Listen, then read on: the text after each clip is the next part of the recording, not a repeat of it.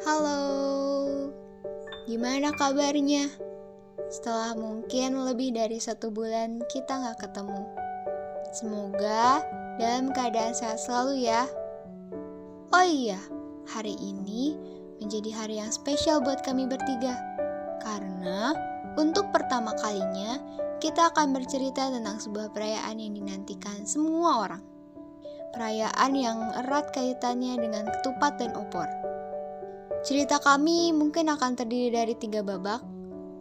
Jadi, selamat menebak isi dan ceritanya. Ramadan tiga tahun terakhir ini jadi Ramadan yang baru buatku. Kenapa? Ya karena ada si COVID. Terjadinya pandemi di Indonesia, bahkan dunia, yang puncaknya di tahun 2020. Seluruh dunia serasa lagi tutup pintu, biar COVID gak bisa masuk. Semua kegiatan Ramadan, hingar-bingar jalanan karena mudik, sampai keramaian hari raya, semuanya hilang dalam sekejap. Di tahun 2020, itu pertama kalinya aku lebaran di rumah. Sampai-sampai sholat id pun ikut di rumah kan? Biasanya sehari sebelum lebaran, aku selalu stay di rumah nenek. Hmm, tapi waktu itu jadi debutnya ibuku memasak hidangan untuk lebaran. Serius, karena kalau di rumah nenek semuanya udah siap sedia. Jadi kalau waktunya makan, tinggal makan. Di 2020 juga pertama kalinya lebaran LDR. Karena pandemi, semua jadi berjarak. Karena berjarak, jadi hanya bisa menyapa via online. Menurut aku, tahun 2020 jadi tahun yang baru untuk aku sih. Karena selain kita dihadapkan dengan pandemi juga, tahun 2020 tuh banyak banget waktu yang kita bisa luangin. Jadinya kita bisa banyak uh, belajar suatu hal yang baru gitu loh. Karena ada suatu hal yang berkesan bagi aku sama mama aku untuk pertama kalinya kita bisa bikin kue lebaran. Mungkin menurut orang-orang itu tuh suatu hal yang kayak ah udah biasa lah gitu. Tapi itu menurut aku sama mama aku tuh suatu hal yang baru sih. Karena for your information ya guys, aku sama mama tuh bisa banget masak gitu. Tapi kita tuh sama-sama nggak bisa bikin kue gitu. Jadi kita tuh bisa cooking tapi kita nggak bisa baking gitu loh.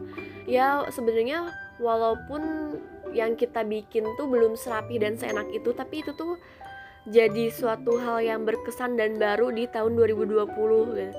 lucu sih sebenarnya karena uh, kita kan nggak bisa bikin kue nih dan nggak pernah gitu kan. Jadi waktu kita beli-beli alat uh, buat kue kering tuh kayak banyak banget gitu dan alhasil si alat-alatnya tuh jadi nggak kepake kan. Jadi kayak ada yang beberapa nggak uh, berguna gitu bagi aku sama waktu maksudnya kayak uh, sebenarnya itu alatnya berguna tapi kan tidak diperlukan untuk uh, aku bikin kue saat itu gitu loh. Jadi kayak lumayan berkesan sih sama aku sama aku karena banyak waktu dan uh, maksudnya kita bosen mau ngapain kita jenuh gitu kan. Akhirnya kita membuat suatu hal yang baru yaitu membuat kue kering lebaran. Tahun 2020 yang lalu yang kupikir akan menjadi tahun yang lebih baik dari tahun-tahun sebelumnya, menjadi tahun yang akrab dengan kata belajar, menjadi tahun di mana semua itu bermula. Pandemi COVID pertama dalam sejarah duniaku, atau mungkin dalam sejarah dunia banyak orang, yang sekaligus menjadi tahun pertama merayakan hari raya tanpa hadirnya sosok seorang ibu dari wanita hebat di keluargaku. Sosok yang selalu bersemangat menyambut datangnya hari raya dengan membuat kue kesukaan cucu-cucunya.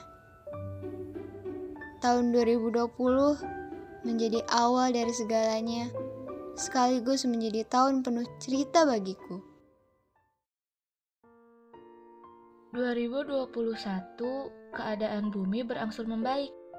Alhamdulillah, aku nggak lebaran di rumah. Rasanya hari raya mulai kembali lagi. Ya, walaupun belum sepenuhnya, sholat id belum dilaksanakan di lapangan karena pandemi yang masih tersisa. Saudara dari luar kota juga sudah mulai berdatangan, walau masih harus ada jarak dengan yang lain. Tapi setidaknya rumah nenekku yang awalnya sepi berangsur mulai hidup kembali. Nah, kalau tahun 2021 tuh menurut aku sama aja sih. Kayak 2020 kita sama-sama di rumah untuk uh, kepentingan banyak pihak.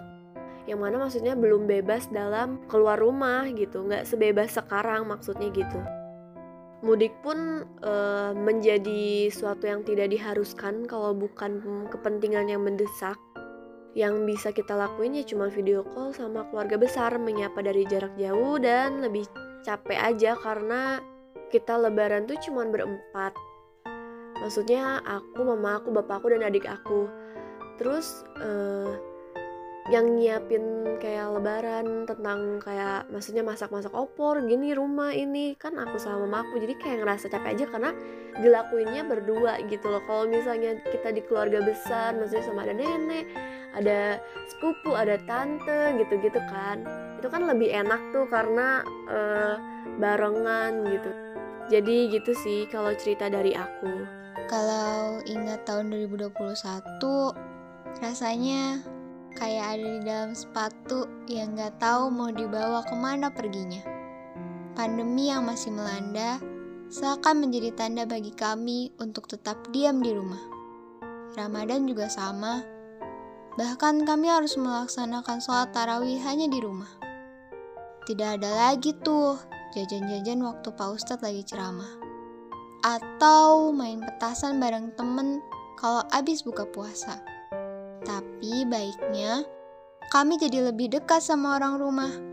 Bisa tahu proses pembuatan tajil favorit semua kalangan. Yap, betul. Gorengan. Hari rayanya tetap sama. Diam di rumah. Um, sempat terpikir dalam benakku, mungkin gak ya di tahun yang akan datang nanti kita bisa ngerasain lagi makna dari kebersamaan yang sebenarnya? tahun 2022 menjadi tahun debutnya Hari Raya. Setelah melewati dua tahun yang super itu, akhirnya ramainya lebaran perlahan mulai hidup kembali. Sanak saudara di luar kota pun mulai berdatangan menghidupi rumah-rumah yang sebelumnya sepi. Anak-anak kecil mulai mengantri untuk meminta THR ke orang lebih dewasa, termasuk aku yang awalnya hanya bisa bertemu lewat layar ponsel, akhirnya bisa bertemu secara langsung. Tamu-tamu lainnya pun mulai memadati setiap sudut ruangan, rasanya hangat sekali. Aroma makanan yang tersedia di meja makan pun tak bersisa, yang dihabiskan oleh tuan rumah juga. Di tahun 2022 ini menjadi hari raya yang lebih bermakna. Bisa berfoto bersama, gak ada tuh salaman online lagi, ini juga aku bisa mengunjungi rumah sanak saudara lainnya. Kalau lebaran aku kali ini sih lumayan berbeda dari tahun sebelumnya ya. Karena di tahun 2022 ini aku akhirnya bisa mudik lagi dan menurut aku mudik itu adalah hal yang selalu menyenangkan dan dinanti-nantikan gitu karena feelnya beda aja dan yang kedua untuk pertama kalinya aku mudik bertiga tanpa hadirnya bapak di hidup aku jadi lebaran kali ini tuh bener-bener ada seneng dan sedihnya. Senengnya karena akhirnya bisa kumpul sama keluarga besar, sedihnya karena nggak ada satu orang di kehidupan aku yang nggak hadir gitu. Tapi selain itu ada hal yang membuat aku sedih sih Karena lebaran idul fitri hari kedua tuh Yang aku tiba-tiba sakit karena kecapean selama 4 hari Sampai sekarang keadaannya belum full sembuh katanya Masih lemes. Jadi uh, banyak lah up and downnya ya di lebaran kali ini. Kayak senengnya ada sedihnya ada gitu. Dan oh ya lupa di tahun 2022 ini untuk pertama kalinya juga dalam hidup aku aku nggak sholat id. Sedih banget gak sih?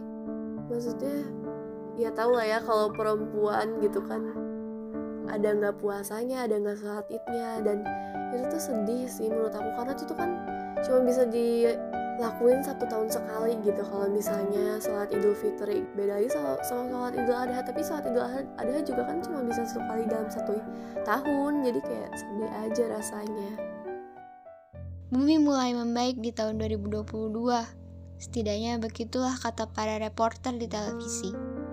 Karena yang namanya manusia pasti ngalamin yang namanya perubahan, bukan? Begitu juga dengan bumi kita. Ketika semuanya sudah selaras, berjalan pada alurnya masing-masing, keadaan pun akan membaik seiring berjalannya waktu. Tanpa kita sangka, ternyata semesta dan waktu bekerja dengan sangat baik. Kita bisa melalui semuanya. Ramadan tahun ini kembali merasakan suasana rumah yang ramai dengan suara anak kecil. Rumah yang penuh dengan aroma hangat masakan khas dari berbagai daerah. Hari raya tahun ini mungkin bukan jadi perayaan yang terbaik, tapi hari raya tahun ini mungkin bisa menjadi perayaan yang lebih baik dari tahun yang lalu. Bukan cuma momennya, tapi semua yang ada di dalamnya. Termasuk kamu. Berterima kasihlah pada dirimu hari ini. Terima kasih karena sudah kuat sampai mungkin kamu lupa caranya untuk mengadu. Terima kasih karena sudah mau menjadi dirimu apa adanya. Kamu yang mau bertumbuh dan berproses bersama.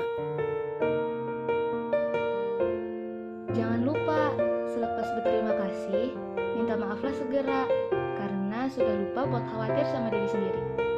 Kalau bisa, tanya kabarnya setiap hari. Sudah makan atau belum? Mandinya jangan lupa ya, biar lebih dekat sama diri sendiri. Terima kasih juga buat kalian yang sudah mendengarkan podcast Satu Tongkrongan. Sampai bertemu di episode Satu Tongkrongan selanjutnya.